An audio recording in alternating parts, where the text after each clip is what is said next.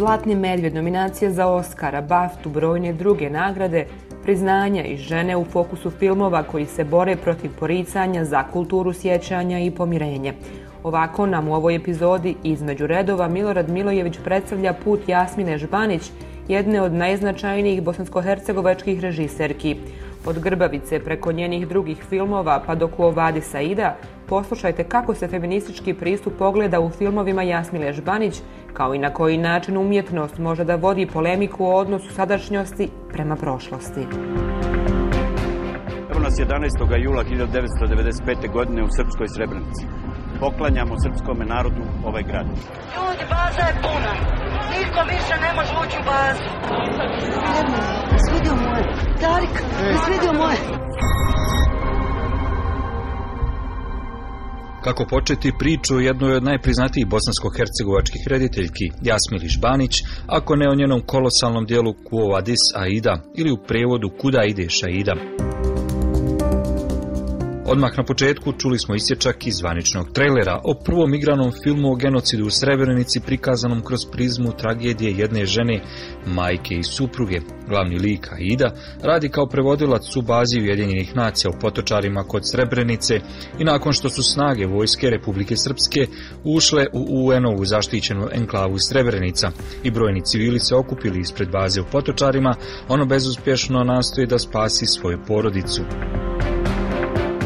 Film je ostvario svjetski uspjeh, premijeru je doživio na 77. Venecijanskom festivalu, a nakon toga film je prikazan i na drugim brojnim festivalima, među njima festival u Torontu, Hamburgu, na Vijenalu u Austriji, festivalu New Horizons u Poljskoj, festivalu Evropskog filma u Španjolskoj Sevilji, Meksičkom Los Cabos Film Festivalu, Francuskom Aras Film Festivalu, te Međunarodnom Film Festivalu Makao u Kini.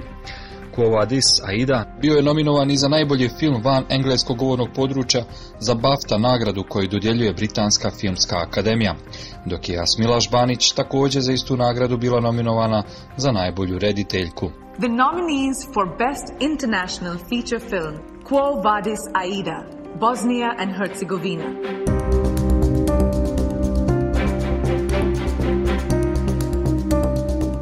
Nominacija za nagradu Oscar za najbolji film van engleskog govornog područja koju je Američka filmska akademija objavila 15. marta samo je potvrdila vrijednost Jasmilinog djela.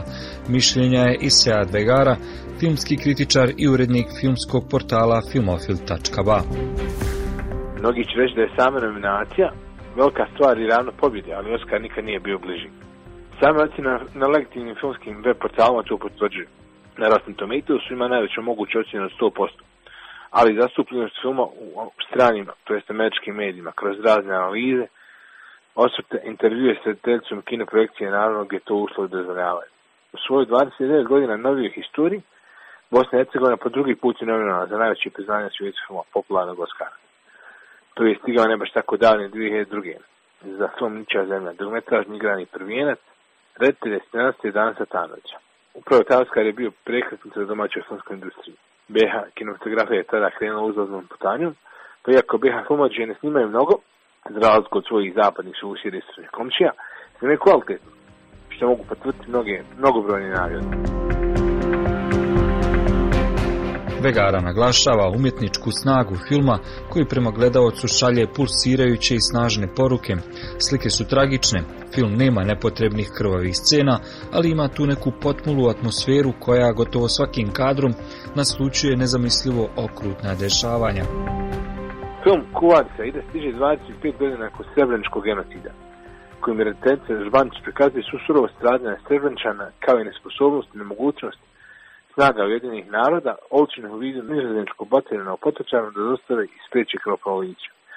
Ovo je surova i fluktuirajućim životom na istinitim događajima bazirana potresna priča, prema kojoj ne možete, a da ostanete ravnodušni. Umjetnost, a time je ona sedma, u velikome može i treba utjecati na suočavanje sa prošlošću, kao i na pomirenje i samo saznavanje i učenje iz prošlosti.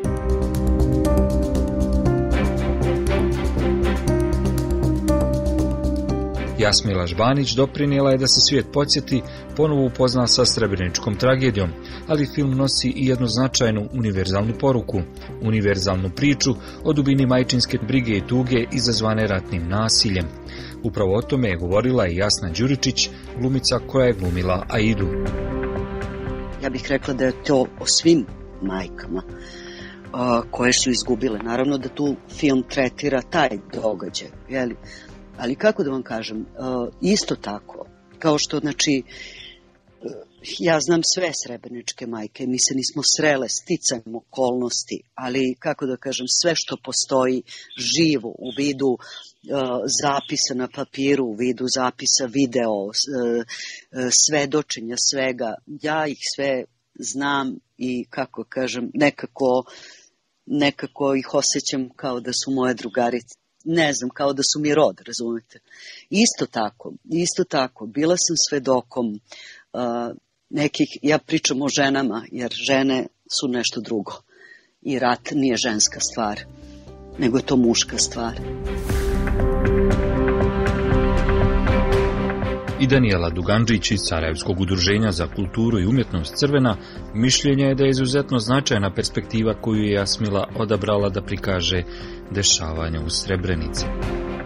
Koja je u stvari prikazala na jedan vrlo subtilan i politički jasan način sve one slike koje mi već u medijima smo nekako vidjeli i znamo i poznate su, no, međutim one su sad nekako hoću reći postale vrlo životne i to je mislim jako važno što je priča žena žena iz Srebrenice tu prikazana iz, iz ženske perspektive posebno Jasmile koja je zaista radila istraživanje godinama i čije, koju je to važna priča privatno i mislim da je zaista uradila sjajan sjajan posao. Ja sam joj kad sam film pogledala odmah poslala porku i rekla ja sam stvarno mislim da si zaista napravila sjajan film.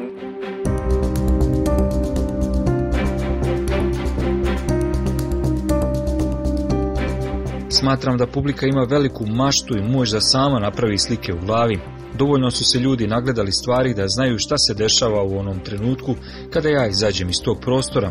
Govorila je i sama rediteljka na nedavnoj online sesiji suočavanje s prošlošću kroz umjetničke forme. Jasmila Žbanić je kroz razgovor o njenom umjetničkom pristupu tokom stvaranja filma izjavila da je rat banalnost zla, ali da ne voli filmove u kojima se osjeća spektakularnost ubistva. Ja sam i cijela ekipa naša je išla s tim da mi ovo radimo iz zaista najbolje namjere, da želimo da se ova priča ovaj, vidi, da se, ono, da se gleda, da se čuje, da, da, da puno ljudi zna za nju, jer bez obzira što se ljudi čuli za Srebrenicu ili u Evropi i nisu čuli za Srebrenicu, čak i oni koji misle da znaju, ne znaju stvarno šta se desilo. I onda taj motiv da to radimo stvarno iz nekog um, ovaj, osjećaja da, da treba to da radimo na taj način, a, se uz jel, mišljenje da to radimo vrlo pošteno i, i ovaj, potpuno, kad, kad kažem pošteno, mislim da smo do kraja, do kraja profesionalni. Ništa nas nije moglo zaustaviti. Ona je ispričala i kako je film bazirala na činjenicama do kojih je došla, čitajući svjedočenja i knjige, gledajući videomaterijale te razgovarajući sa ekspertima i svjedocima. Ovaj film je za sve nas puno više od filma. Želimo da se genocid u Srebrenici nikada ne zaboravi, ali također i svi genocidi koji su se desili na ovim prostorima da se nikada ne negiraju i da se nikada ne zaborave. Ovaj film nije nastao da bi ljude dalje sukobio ili razdvajao. Naprotiv, nastao je da bi se bolje razumjeli i nadam se više voljeli. Poručila je Žbanić nakon objavljivanja nominacije za Oscara. Povadis Jasmila, tako bismo mogli nazvati ovaj naš osvrt na rad rediteljke. Jasmila Žbanić, rođena je 1974. godine u Sarajevu, diplomirala je na Akademiji scenskih umjetnosti u Sarajevu na ocijeku za filmsku i pozorišnu režiju. Osnivačica je direktorica i producentica udruženja umjetnika Deblokada. Za svoj rad dobila je brojna priznanja i nagrade na domaćoj i internacionalnoj sceni. Jedan film se do posljednjeg njenog filmskog djela ipak izdvajao. njen debitanski igrani film Grbavica, koji je na Berlinale od 2006. godine dobio Zlatnog medvjeda. Ruže crvene od krvi su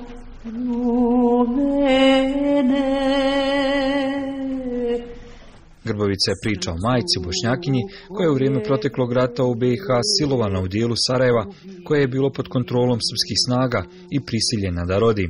Ona pokušava naučiti kako da voli svoju djevojčicu koja je plod takvog strašnog zločina. Ovo ostvarenje tematizuje problem masovnih silovanja žena u ratu u Bosni i Hercegovini, kao i njihov današnji položaj u bosansko-hercegovačkom društvu. Glavnu ulogu Esme maestralno je odigrala glumica Mirjana Karanović. Htjela sam da je ubijem. Htjela sam da rasam rukama stomaku da, da otpadne od mene.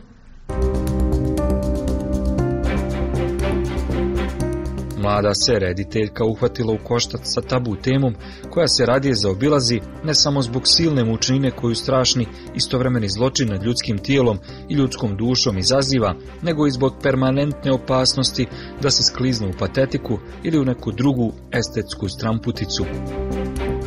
Film govori o Sarajevu danas, o mami Esmi i kćerki Sari koje žive na Grbavici i njihovom svakodnevnom životu. Djevojčica Sara treba da ide na ekskurziju, pošto vjeruje da joj otac Šehid, kao šehidsko dijete, ima popust.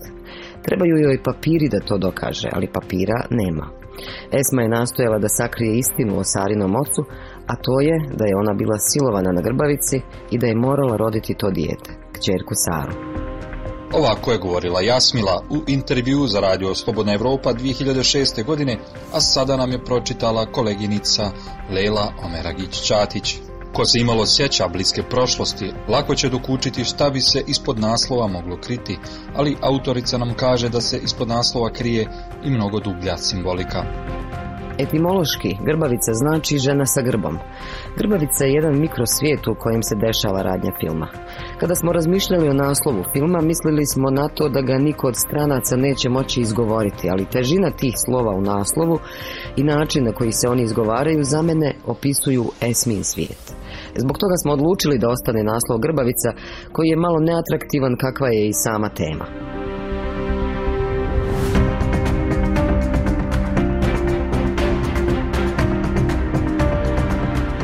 Poslije Grbavice, Jasmila Žbanić nastavlja svojim umjetničkim izrazom da demistifikuje, podsjeti i ukazuje da se ne bi zaboravila.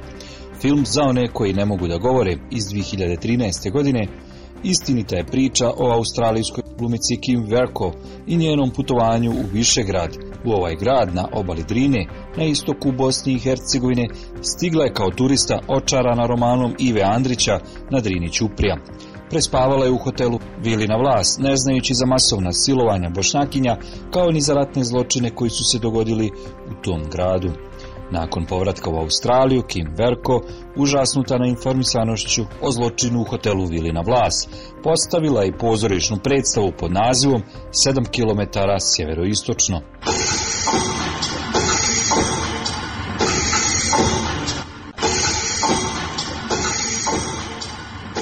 U ovoj monodrami prenosi svoje doživljaje i prenosi osjećanja, povremeno koristeći muziku i riječi koje je čulo u Bosni i Hercegovini. Pozorišna predstava je uvrštena u program modula Memorije na festivalu MES 2011. godine, kada se Kim Verko upoznala sa rediteljkom Žbanić. Taj susret uticao je da se pozorišna priča pretoči u film. 6. jul 2011. godine, knjige i materijal za čitanje tokom leta i turistički vodič kroz Bosnu i Hercegovinu. Za svaku osobu koju sretnem u gradu pitam se šta je činila u ratu, je li učestvovala ili samo gledala. Da sam znala šta se dogodilo u hotelu Vilina Vlas, nikada tamo ne bih ocijela. Glavnu ulogu u filmu tumači upravo Kim Verko, žena koja je ostala zatečena saznanjem da je spavala u hotelu Vilina Vlas, mjestu silovanja i ubijanja.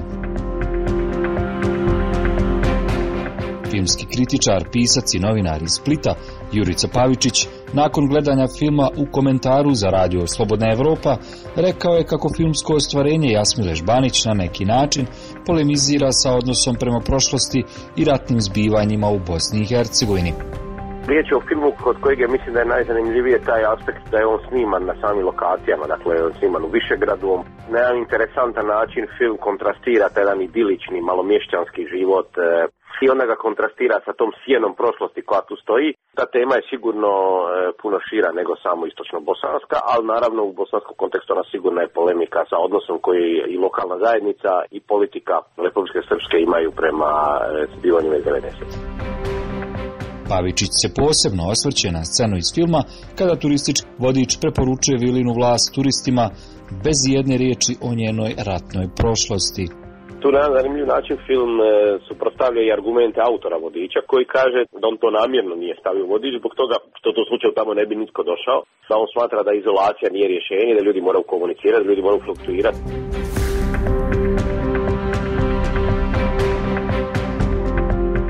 Jedna od onih koja se strela sa Kim Verko kada je ona drugi put stigla u Bosnu i Hercegovinu nakon saznanja o ratnim zločinima u Višegradu, bila je i profesorica na Fakultetu za kriminalistiku, kriminologiju i sigurnosne studije iz Sarajeva Edina Bećirević. Bećirević koja se i sama bavi istraživanjem ratnih zločina u Istočnoj Bosni, ovako je 2013. godine za Radio Slobodna Evropa opisala taj susret. Ona me prvo kontaktirala iz Australije zbog mog istraživanja o poricanju genocida u Višegradu. Kad smo se srele u Sarajevu 2010. ona mi je rekla da je jednostavno mislila da u Višegradu tokom rata nije bilo zločina. Međutim, desilo se da je noć provela u hotelu Vile na Vlasi. Rekla mi je da je to bila za nju jedna od najneprijatnijih noći u njenom životu. Da je osjetila ogromnu negativnu energiju, da je dočekala da svane i kad je došla u Australiju, ona je tek tad zapravo preko interneta saznala da je Vilina vlast 92. godine bio logor za masovno silovanje bošnjakinja.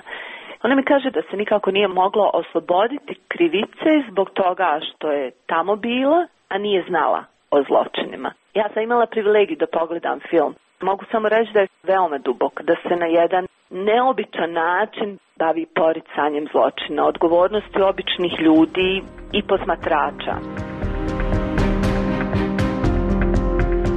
Jasmila Žbanić, govoreći na masterklasu održanom u organizaciji Restarta u Doku Kinu, kinu specijalizovanom za dokumentarne filmove u Kulturno-informativnom centru u Zagrebu 2016. godine, ispričala je kako je, nakon što je upoznala Kim, poželjela snimiti priču ne o samom zločinu u Vilenoj vlasi, već upravo o poricanju zločina. Snimiti film u Višegradu u kome se poriče zločin nije bilo nimalo lako.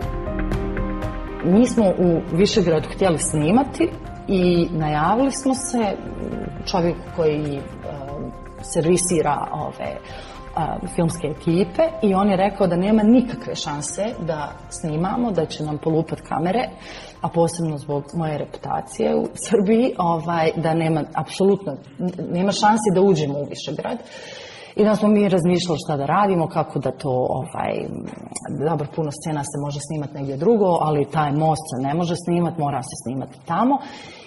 I onda smo shvatili da moramo snimati u Višegradu, a da bi zaštitili ljude koji se pojavljuju u filmu, mi ćemo reći da snimamo e, putopis Australijanke po BiH. Rješenje je ipak nađeno. Jasmilin kolega iz Beograda glumio je režisera. I on je cijelo vrijeme bio gospodin reditelj, a ja sam bila tehnička kontrola na onom, da on me pita je oštro, ja kažem Oštro je, dobro je, možemo da. Znači, ipak si ti bila tamo? Da, ja sam bila tamo deset dana. I nisu te prepoznali? Pazi, ja sam ko bajag nešto imao neke onaj, kape, nešto, mislim, ne, pojma. Mislim da bez istine ne može, ne može se ići dalje. Jer to potiskivanje, ta strašno uzima energiju i tim ljudima koji potiskuju i ljudima koji traže istinu. Ja mislim kad bi se to stavilo na sto i reklo to je bilo što je bilo, ljudi su osuđeni mislim za, za zločine u Višegradu, ne za vilnu vlast, za druge zločine Milan Lukić je dobio 40 godina zatvora, mislim tu su, tu su ovaj, strašni zločini se desili i oni su osuđeni, ne, tu više nema razmišljanja je li bilo ili nije bilo. Ali kad bi ljudi ti priznali sebi, onda mislim da bi se moglo ići dalje. Za sad je Višegrad jedna crna rupa.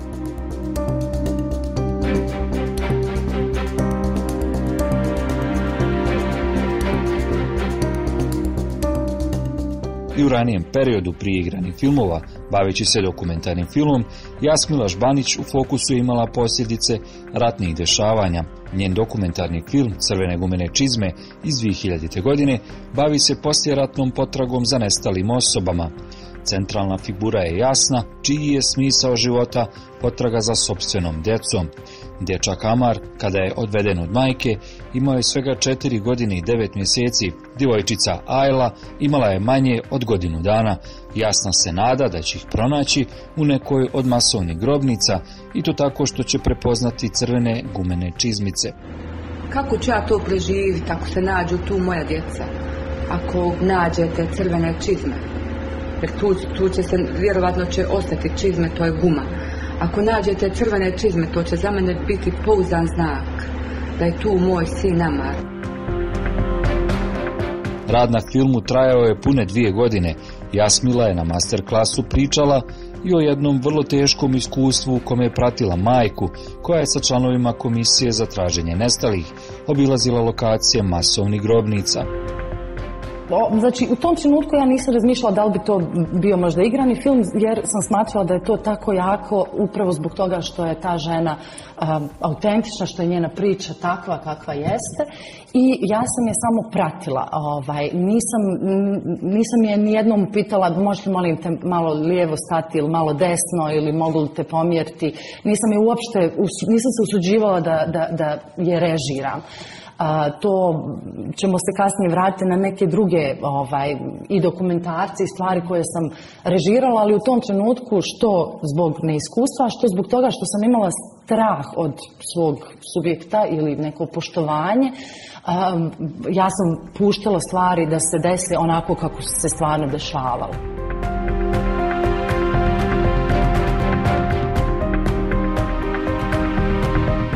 Jasmila Žbanić je feministkinja i osim što to i sama kaže u svojim izjavama, ona poručuje i u svojim filmovima u kojima daje glas ženama, bilo da su to žene žrtve silovanja u ratu ili žene koje su izgubile svoje porodice. Zbog toga filmovi Jasmile Žbanić imaju i onu veoma bitnu obrazovnu, emancipativnu ulogu. Daniela Duganđić. Pa ja mislim da je Jasmila jedna vrlo osviještena feministkinja vrlo pametno prilazi temama svojih filmova. Ona odabire teme koje su teške i teme koje su koje su generalno i problematične teme koje potencijalno mogu izazvati uh, sukob ili neslaganje i kritiku i stvarno je hrabro da ulazi u te teme. Mislim da ona u, u sve te teme ulazi s vrlo ozbiljnom odgovornošću naspram onih čiju priču priča i mislim da je to ono što je zaista posebno, ako govorimo posebno o, o iskustvima žena, zato što Jasmila zaista se trudi da prikaže na pravi način priču tako da osobu koja je ono, bila svjedokinjom tih iskustava se osjeća da to zaista jeste njihova priča, a ne nešto što je spektakl za film.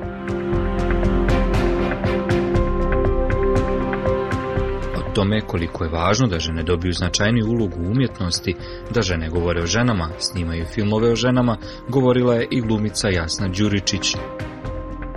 Žena, mislim i sve što žena podrazumeva, to je, to je nekako, to je taj neki drugi pogled. To je neki drugi pogled na čitav svet, pa samim tim na, na film, na, na glumu, na bilo koju stvar, čega god se dotaknemo. Prosto to je, to je nešto drugo. To je užasno važno. Mislim, to je, ja ne znam, Jasmili koliko sam zahvalna, ne, ne, ne postoje te reči koliko sam je zahvalna da, da mi je dodelila ovu ulogu i to je takav jedan prostor u takvoj jednoj ozbiljnoj, ozbiljnoj stvari i kako kažem to je uživala sam je sad Premalo je toga, premalo je toga. Jasmila je pa veoma usamljena na ovim našim prostorima. Sada to kao da se pojavljuju vi još i da imate žena reditelja u Bosni i Hercegovini, ali premalo je, premalo je. Đuričić se nada da bi konačno žene mogle početi dobijati značajnije uloge u filmu. Ja se nadam da je to sada da je to sada nekako krenulo ženske uloge na filmu kod nas ne bi komentarisala uopšte. Mislim, to je, to je prosto, to je, kako kažem, to, to, to je neukusno. To je neukusno do koje mere ne postoje ženske uloge. To je, to je nekako nedopustivo. Nedopustivo, ali to govori, to govori u kakvom društvu mi još uvek živimo i, i gde je žena u našim društvima. Jasmila je svakako neko ka, ko to razbija svim snagama odavno i ovo je nekako, čini mi se to, staviti ženu u centar ove priče, uh, to, je, to je bio još žene majke, to je bio pun, pun pogodak.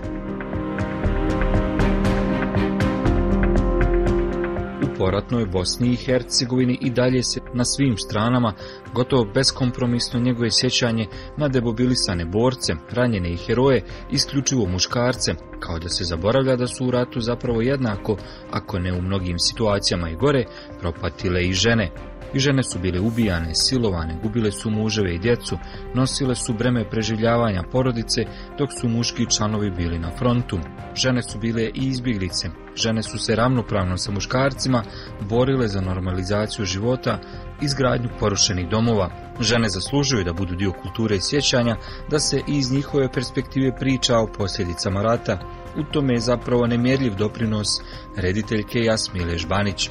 To i prepoznato jer je Jasmili pripala ovogodišnja nagrada za doprinos očuvanju kulture sjećanja modula memorije. Za njen sveukupni umjetnički rad za doprinos kreiranju kulture pamćenja, afirmaciji ljudskih prava i sloboda, te uspostavljanju temelja za bolje uzajamno razumijevanje među ljudima i za ljubav. Nagradu za doprinos očuvanju kulture sjećanja dodjeljujemo Jasmu Ležbanč.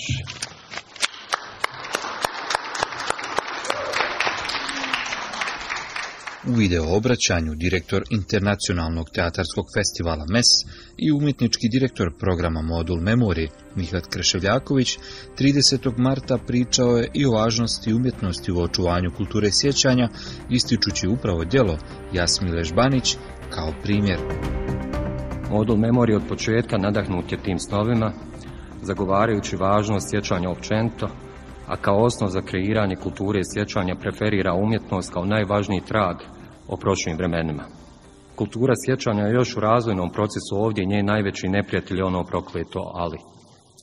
Nama ovdje u Bosni i Hercegovini neophodna je kultura sjećanja kao način da se dođe do istine i pomirenja i vjerujemo da u tom procesu umjetnost, umjetnici i umjetnice imaju veliku ulogu.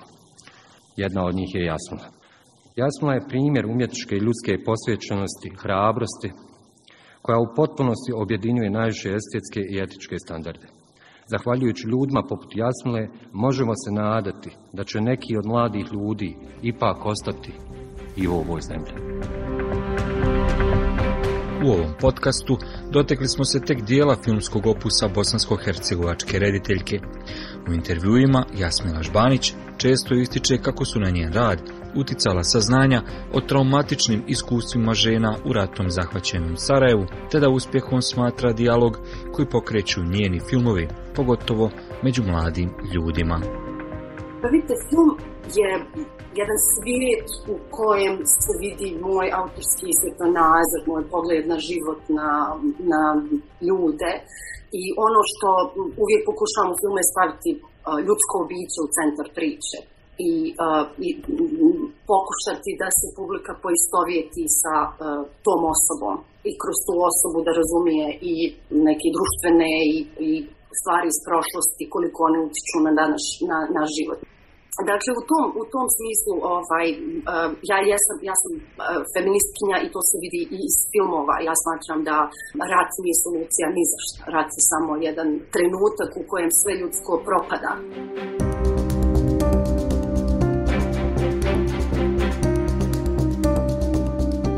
Slušali ste podcast između redova o bosansko-hercegovačkoj rediteljki Jasmili Žbanić. Ja sam Milorad Milojević i pozivam vas da poslušate i prethodne epizode ovog serijala u kojem smo govorili između ostalog o Miri Furlan, ali i o crnogorskom predsjedniku Milu Đukanoviću, premijerki Srbije Ani Brnabić i drugima. Naš serijal Zaviri ispod površine također možete pronaći na iTunesu, Spotifyu i Google podcastima. Lijep pozdrav do narednog slušanja.